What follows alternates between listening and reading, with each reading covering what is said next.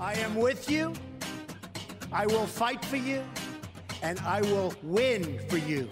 Folks, winning means uniting America, not sowing seeds of division and anger and hate.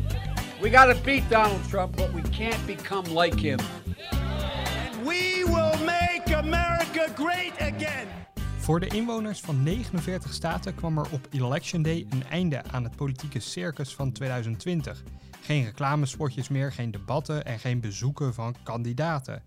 Maar één staat, die is de uitzondering. Georgia. Daar moeten nog twee senaatzetels worden verdeeld.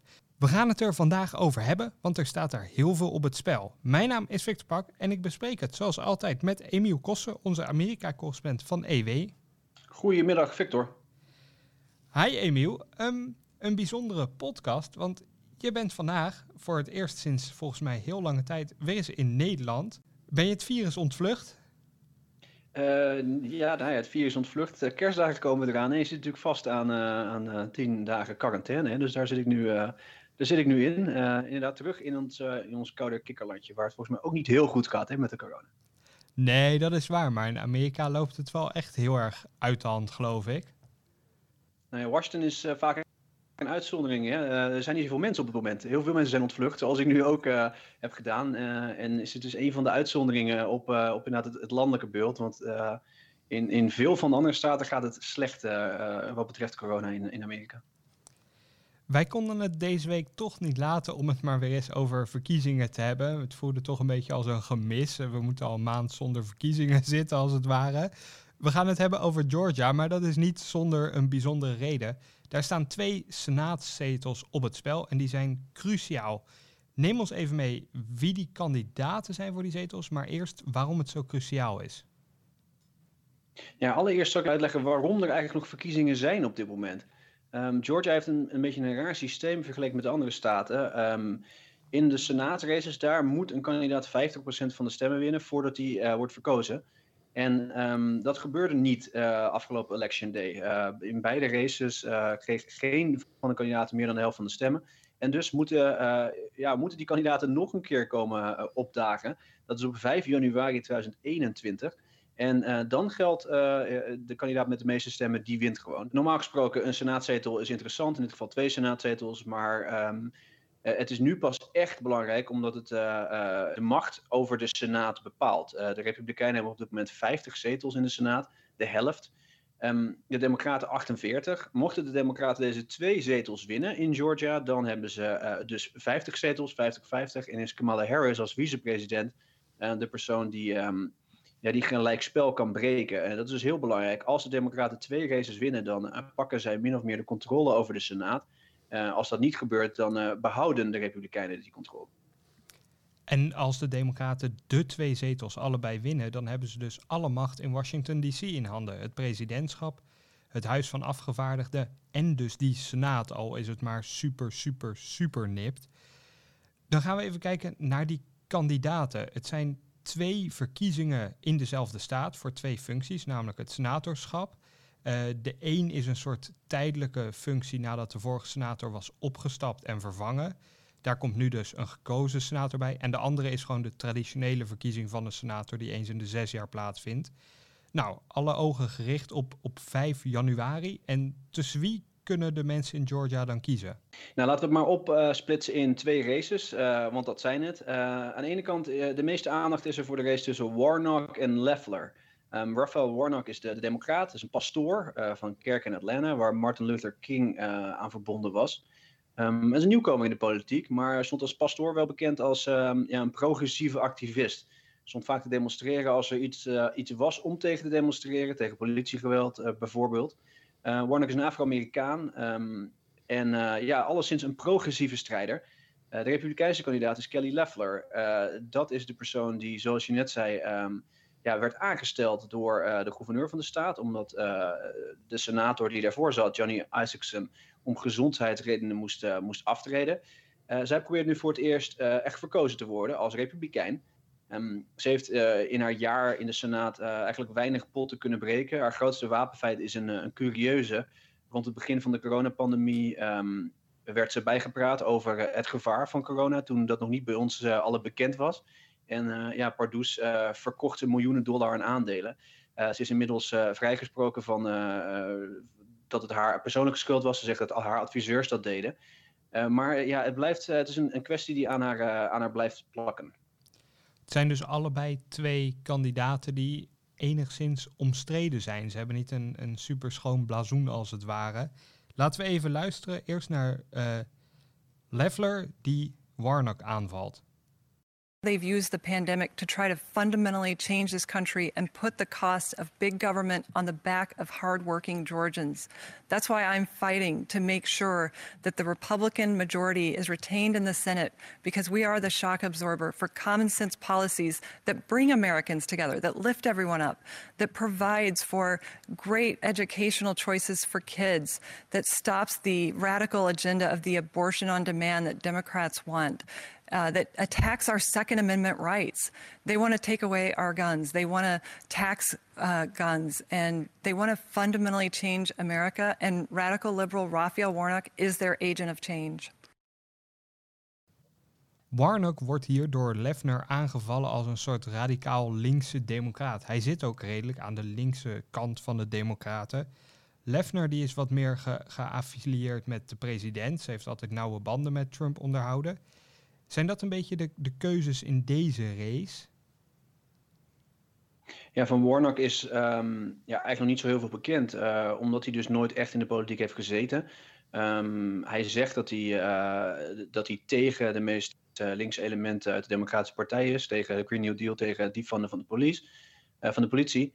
Um, ja, daar moet je hem nou maar op geloven, op vertrouwen. Het klopt wel dat hij als, als, als pastor dus af en toe flink progressief uit de hoek kwam. En ja, Leffler is inderdaad, uh, die, die zit aan de andere kant. Uh, die grote vriendje met Trump, nog steeds. Uh, tot de dag van vandaag. Vorige week kwam Trump campagne voeren in Georgia en daar was zij natuurlijk ook bij.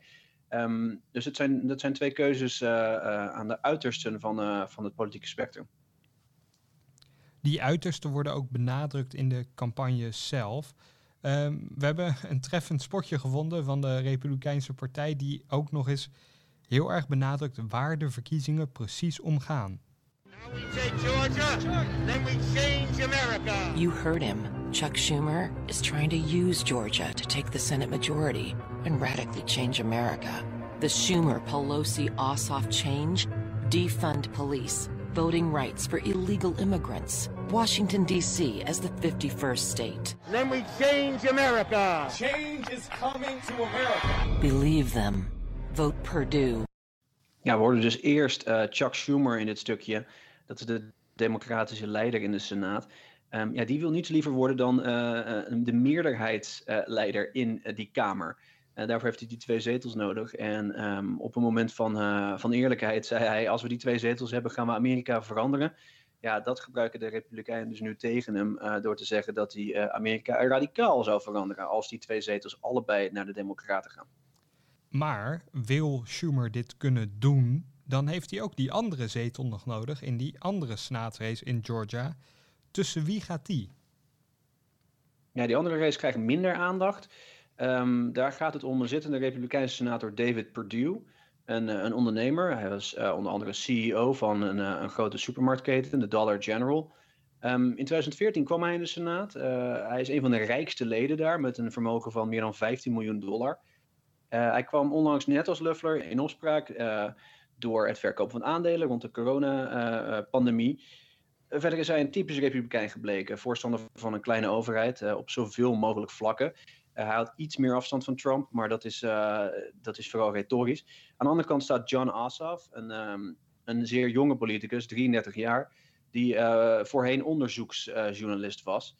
Hij probeerde in 2017 al een verkiezing te winnen, um, toen voor het Huis van Afgevaardigden in, in Georgia kreeg toen een hele hoop geld van democratische donateurs, uh, brak record na record, maar verloor uiteindelijk wel.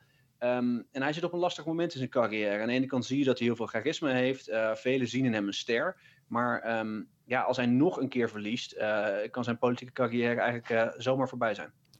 Hij is inderdaad echt een, een, politiek talent van de Democraten. Vandaar dat hij in 2017 al ontzettend veel geld binnenhaalde. Geld is opnieuw geen probleem in Georgia. Het ziet er naar uit dat er bijna 500 miljoen voor kerst al wordt uitgegeven aan tv-spotjes van een van de, door een van de vier kandidaten. gigantisch veel geld. Eigenlijk zijn alle ogen in Amerika gericht op de strijd. We hebben net een beetje geluisterd naar het verhaal van de Republikeinen. Laten we ook even luisteren naar een fragment van Warnock, die het over dat corruptieschandaal van die Republikeinen heeft. People aren't asking me uh, about the courts and whether we should expand the courts, but they're wondering when in the world are they going to get some COVID 19 relief? They haven't gotten any from Kelly Loeffler in months. And when she had a chance to stand up for ordinary people, she thought $600 was too much. Meanwhile, she was busy dumping millions of dollars of stock, profiting from a pandemic. Who does that? Ja, het centrale argument van de Democraten is dat um, senatoren Leffler en in mindere mate ook Perdue um, ja, zich eigenlijk niet echt zorgen maken om de gewone Amerikaan in deze coronapandemie, maar uh, vooral om hun, eigen vermogen. En um, de Democraten zeggen juist dat zij, als zij zouden worden verkozen, een groot steunpakket zouden goedkeuren, waardoor er veel meer geld gaat naar, uh, naar mensen die bijvoorbeeld een baan zijn kwijtgeraakt tijdens de, tijdens de pandemie. Um, dat is het argument dat de Democraten gebruiken. De Republikeinen stellen er weer tegenover dat zij de afgelopen maanden uh, ook een stimuluspakket hebben, uh, hebben ondertekend. Dus wat dat betreft zijn ze het oneens met elkaar. In Washington is momenteel ook veel te doen om die stimuleringspakketten. Die moeten verlengd worden als het ware, volgens mij voor het begin van het nieuwe jaar. En voorlopig is dat nog niet het geval. Voor veel Amerikanen ontbreken daardoor de financiële middelen om nog verder door die coronacrisis heen te komen. Dat is ook waarom al die ogen op die senaatsrace zijn gericht, als het ware. Want nogmaals, als de Democraten allebei de zetels winnen, dan kunnen ze veel meer en makkelijker zaken voor elkaar krijgen in de politiek. Joe Biden, die kijkt hier denk ik ook mee. Gaat hij ook naar Georgia om campagne te voeren? Ja, zijn agenda hangt heel erg af van deze races uh, de komende twee jaar. Want uh, bij de tussentijdsverkiezingen zijn er opnieuw. Uh, zal het congres er opnieuw anders uit gaan zien. Maar die eerste twee jaar wil de president natuurlijk het liefst hebben dat de twee kamers in het congres ja, van zijn politieke kleur zijn. Als het 50-50 is in de Senaat, dan, um, ja, dan betekent dat niet per se dat Joe Biden allerlei hele radicaal linkse plannen doorheen zou, duwen maar wel de plannen waar al die democraten het in ieder geval met elkaar over eens kunnen worden. Um, het argument van de Republikeinen dus, uh, wat we net hoorden van Chuck Schumer, dat hij opeens Amerika helemaal radicaal zal veranderen, daar geloven de meeste mensen niet zo in. Um, de meeste analisten, het is waarschijnlijk voor kiezers wel een slim argument. Um, maar wat we, wat we dan wel snel zouden zien, is bijvoorbeeld een nieuw stimuluspakket. Terwijl we nu zien hoe moeilijk dat is om, om, om Republikeinen en Democraten op dit moment achter zo'n plan te krijgen. En gaat Biden dan ook zelf nog campagne voeren? Want eigenlijk presidentschap, die eerste twee jaar zijn vaak cruciaal om er echt wat van te kunnen maken. Dan heb je ook een soort goodwill onder de mensen, want je bent pas net verkozen. Dus het is cruciaal, dus gaat hij er zelf ook naartoe? Dat is wel de verwachting. Hij heeft, uh, heeft het al meerdere keren aangekondigd dat hij uh, uiteindelijk zijn opwachting gaat maken. Hij is nog niet langsgekomen. Um, wel zagen we vorige week dat Barack Obama een, uh, een bezoek bracht, virtueel uh, dat nog wel. En dat is natuurlijk bij Joe Biden ook een beetje uh, het lastige nu. Amerika zit midden in die coronapandemie en um, zoals bij de vorige campagne, zoals we toen hebben gezien, willen de Democraten het liefst zo min mogelijk risico nemen wat betreft gezondheid. ook van de, de 78-jarige president, die wil natuurlijk niet ziek worden. Maar uh, je kunt verwachten dat er iets als een, uh, een, een autorally of, uh, of zoiets wordt georganiseerd de komende weken. De tactiek van de Democraten is ook wel echt om, om deze race niet om Georgia te laten gaan als het ware, maar om die, die, die meerderheid in de Senaat. Hoe staan de Republikeinen in de race als het ware? Nou, er is natuurlijk een verschil hier tussen de Republikeinen, de Republikeinse partij, die ook vooral kijkt naar de, de verdeling in de Senaat en hoe belangrijk die is. Uh, hoe belangrijk het is om een soort van buffer te zijn uh, tussen Joe Biden en, um, uh, en de rest van het land eigenlijk. Om, om, dus de hele hoop van zijn plannen in ieder geval compromissen voor te zoeken. Um, en wat Donald Trump wil, de president, die nog steeds niet wil opgeven. Um, Donald Trump, ja, het maakt hem eigenlijk niet zoveel uit die race. Hij wil het liefst die races in Georgia. Hij wil het liefst gewoon praten over de verkiezingen die volgens hem oneerlijk zijn verlopen. En ja, en, en hij zegt dus nog steeds dat hij onterecht heeft verloren. Uh, dat brengt de Republikeinen wel op een beetje op een raar punt. Um, aan de ene kant willen, uh, willen ze dat Trumps uh, stemmers opnieuw komen opdraven op 5 januari. maar ja, dat is misschien lastig als Donald Trump heeft zegt dat verkiezingen toch oneerlijk zijn. Een lastig verhaal, maar Trump nam wel de moeite om campagne te voeren voor de twee Republikeinse kandidaten. Laten we even luisteren. You gotta get out and vote. Let them steal Georgia again. You'll never be able to look yourself in the mirror.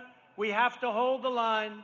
And you have two of the greatest people on earth. We have to hold the line. Make sure that you and everyone else know that you have to register to vote before this Monday. Ja, hier hoor je dus hoe lastig dat argument is van, uh, van Donald Trump. Aan de ene kant zegt hij, uh, ja, de verkiezingen die we net hebben gezien waren doorgestoken kaart. Aan de andere kant, hup, allemaal nog een keer stemmen. Uh, want we hebben die twee senaatzetels nodig. Dat, dat, dat, dat volgt niet heel erg logisch op elkaar. 5 januari gaan ze dus naar de stembus. Trump is er al geweest, gaat misschien nog een keertje op campagnebezoek. Biden gaat er misschien naartoe. Wie heeft uiteindelijk de beste papieren daar? Ik zou zeggen dat de Democraten toch een beetje de underdog zijn. Want Biden won er voor het eerst in 28 jaar als Democraat. Het, het was de afgelopen jaren, decennia, Georgia een Republikeinse staat. Gaan ze het nu definitief blauw kunnen, kunnen maken? Ja, dat is een lastige voorspelling. Er zijn een aantal factoren. Uh, jij uh, stipt al aan dat het eigenlijk een Republikeinse staat is. Um, nog steeds, ondanks dat Joe Biden er won, um, won bijvoorbeeld Purdue ook al van Assaf in die, uh, in die senaatsrace. Alleen kreeg Purdue net niet 50% van de stemmen en dus moeten ze nog een keer komen opdraven. Maar um, terwijl Joe Biden won van Trump, won dus ook de Republikeinse senator zijn race. En er spelen nog een aantal andere zaken. Bij tussentijdse verkiezingen uh, zoals deze wordt er normaal meer gestemd door Republikeinen, um, die vaker ouder zijn uh, en dus vaker naar de stembus uh, gaan. Um, de peilingen geven dan weer wat hoop voor de, voor de Democraten. Want ja, beide kandidaten staan nipt voor op dit moment. Maar ja, daar zeggen de Republikeinen dan weer over. Ja, peilingen, dat is leuk allemaal, maar die zaten er ook heel erg naast op, op 3 november. En dat gaat nu weer zo zijn. En de Republikeinen hebben dan ook nog eens voorlopig het meeste geld in hun campagnekast zitten. We gaan er in ieder geval naar kijken, want een meerderheid in de Senaat kan ook heel belangrijk zijn voor de kabinetsbenoemingen van Biden. Joe Biden will likely make his cabinet picks in the next few weeks, so who's on the short list? There is a lot of speculation. I wanted to represent this campaign to represent and look like America. Now that's what I want the administration to look like. All right, Senator uh, Sanders, uh, maybe I'll call you Mr. Secretary one of these days. Een hele hoop nieuwe namen zijn onthuld door Joe Biden sinds we de vorige podcast opnamen. Um, die hele rits, uh, waar wil je beginnen? Wie vind jij uh, het belangrijkst? Nou, laten we beginnen met de minister van Defensie, een, een belangrijke post in elk kabinet. En um, er is vrij over te doen. Lloyd Austin wordt voorgedragen door Joe Biden. Dat is een, een vier-sterren-generaal, een Afro-Amerikaan, de eerste Afro-Amerikaan die deze post zal bekleden. Um, de kritiek komt er vooral op omdat hij, uh, ja, hij dus een militair is. En dat gebeurt eigenlijk niet zo heel vaak dat een, uh, een, een, militair uh, dat ministerie bekleedt. Meestal is dat gewoon een, een, een civilian, een burger. Ja, want militairen mogen pas minister van Defensie worden als ze minimaal zeven jaar uit dienst zijn bij het leger. Aston is dat niet. Sterker nog, hij werkte nog samen met Joe Biden toen hij vicepresident was onder Barack Obama. Hij had een heel belangrijke post over het centrale commando van, de, van het leger van de Verenigde Staten in het Midden-Oosten. Dat is voor Biden de nummer één reden om hem aan te stellen. Biden zegt: Ik heb met hem samengewerkt. Hij heeft heel veel kennis, ervaring, ook van bijvoorbeeld logistiek. Wel zo handig nu midden in deze ongekende pandemie. Toch is er ook wat kritiek. Die, die machtsbalans tussen burgers en militairen op zo'n ministerie. En dan heb je ook nog dat sommigen hem te onervaren vinden. En anderen zeggen weer, nou leuk dat het de eerste zwarte man was die minister van Defensie kan worden. Wij hadden liever de eerste vrouw gezien op die functie. Gaat hij het halen? Want hij moet wel door de Senaat heen komen. Ja, die hele discussie die je nu samenvat is typerend voor um, ja, predicament waar Joe Biden in zit. Hij kan het eigenlijk niet goed doen. Uh, het moment dat hij een, eh, een, zwarte man aanwijst, uh, omdat er heel veel druk op hem was om een zwarte man aan te wijzen als minister, ja, dan, gaat de vrouwbeweging opstaan. Die zegt, ja, hallo, had het geen vrouw moeten zijn. Um, uiteindelijk lijkt dit een, een, politiek gezien slimme keuze, want um, tussen al die kritiek werd ook duidelijk dat republikeinen Lloyd Austin een prima kandidaat vinden. Dat zij hem gaan steunen. Ehm, en dat is belangrijk in de Senaat. Daardoor lijkt het vrijwel zeker dat hij een meerderheid krijgt in de Senaat. Ook om zo'n waiver te krijgen, zoals je net zei, omdat hij nog niet lang genoeg uit het leger is eigenlijk. Dus wat dat betreft, ja, Lloyd Austin, de kans dat hij, wordt, dat hij echt de volgende minister van Defensie wordt, die is, die is groot. Iemand die ook wel benoemd gaat worden is waarschijnlijk Marcia Fudge als minister van Huisvesting. Een zwarte vrouw uit de regio van Cleveland, daar is ze nu ook congreslid voor. Zo'n minister van Huisvesting, die hebben we niet echt in Nederland. Wat doet die? Ja, die gaat over, um, over eh, de subsidiehuizen in Amerika. Um, en dan vooral over het geld dat naar de, de staten en de steden gaat uh, voor dat soort huizen. Er is een groot tekort aan. Um, er, is op dit moment ook een zwarte, uh, een, een, zwarte politicus die daar de macht over heeft. Dat is Ben Carson. Maar als Republikeinen een minister van Huisvesting aanstellen, dan gaat het er vooral om, om ja, de subsidie voor dat soort huizen te verlagen. Uh, Marcia Fad zou dat juist willen uitbreiden. Um, interessant aan haar is dat ze op dit moment lid van het Huis, van Afgevaardigden is. En met haar vertrek zorgt het dus voor dat ook daar de Democraten een beetje een politiek spelletje aan het spelen zijn. Een lastig politiek spelletje. Um, hun meerderheid in het Huis van de Afgevaardigden is zeer klein. En um, in ieder geval een paar maanden zullen de Democraten dus met nog één persoon minder moeten doen. Totdat er nieuwe verkiezingen zijn. Ja, want Fudge die is nu congreslid. Zij is dan even weg van als congreslid. En voor zij wordt opgevolgd, moet er een verkiezing worden gehouden. Zo'n special election, net als in Georgia er eentje van is. Dat duurt allemaal weer even ik vond wel opvallend. Fudge die had wel een beetje geklaagd vooraf in een, in een lek via de media. Dat zwarte mensen altijd worden benoemd als minister van huisvesting. En nooit eens als bijvoorbeeld minister van landbouw. Want daar koos Biden weer eens een heel bekende politicus voor. Of een, een oud gediende eigenlijk meer. Uh, dat wordt Tam Vilsack. Hij was al eens acht jaar lang diezelfde minister van landbouw, maar dan onder Obama. Voor de echte vernieuwing kijken we dan even verder. De minister van Zorg is ook onthuld door Biden. Wie wordt dat? De minister van Zorg, dat wordt uh, de tweede Latino in het kabinet, uh, Xavier Becerra. Um, die uh, werkt nu in Californië als minister van, van Justitie. En die wordt dus minister van Zorg. Um, dat is opnieuw een, uh, een goed punt wat, er, wat betreft uh, het diversiteitsquota dat er blijkbaar uh, bestaat. Maar er is wel wat kritiek op het feit dat hij eigenlijk helemaal geen ervaring heeft met, of kunde heeft over medische zaken. Um, het enige wat op zijn cv staat is dat hij de staten bijeenbracht, de linkse staten bijeenbracht, om Obamacare in, in de rechtbanken te proberen te verdedigen. Is dat niet een riskante zet, zo midden in een ongekende pandemie? hij is natuurlijk maar één van de mensen uh, in het coronateam, een belangrijke minister van Zorg. Maar um, Joe Biden heeft bijvoorbeeld ook Dr. Anthony Fauci, Amerika's bekendste dokter, gepolst om een belangrijke rol te spelen in het kabinet. Dus wat dat betreft is er ook niet zoveel om te doen.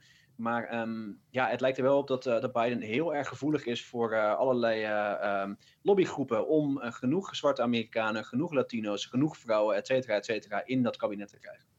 Dat was natuurlijk ook wel een verkiezingsbelofte van Biden. Hij wilde een zo divers mogelijk, volgens mij zelfs het meest diverse kabinet ooit neerzetten. Ligt hij daar eigenlijk een beetje voor op koers dan? Nou, en of hij op koers ligt. Uh, op dit moment zijn er uh, twee Latino's voorgedragen als uh, ministers en zijn er evenveel zwarte als blanke politici voorgedragen. Um, dat is een stuk diverser dan Amerika echt is. het overgrote deel van Amerika is blank. Dus ja, eh, ligt hij op koers? Zeker.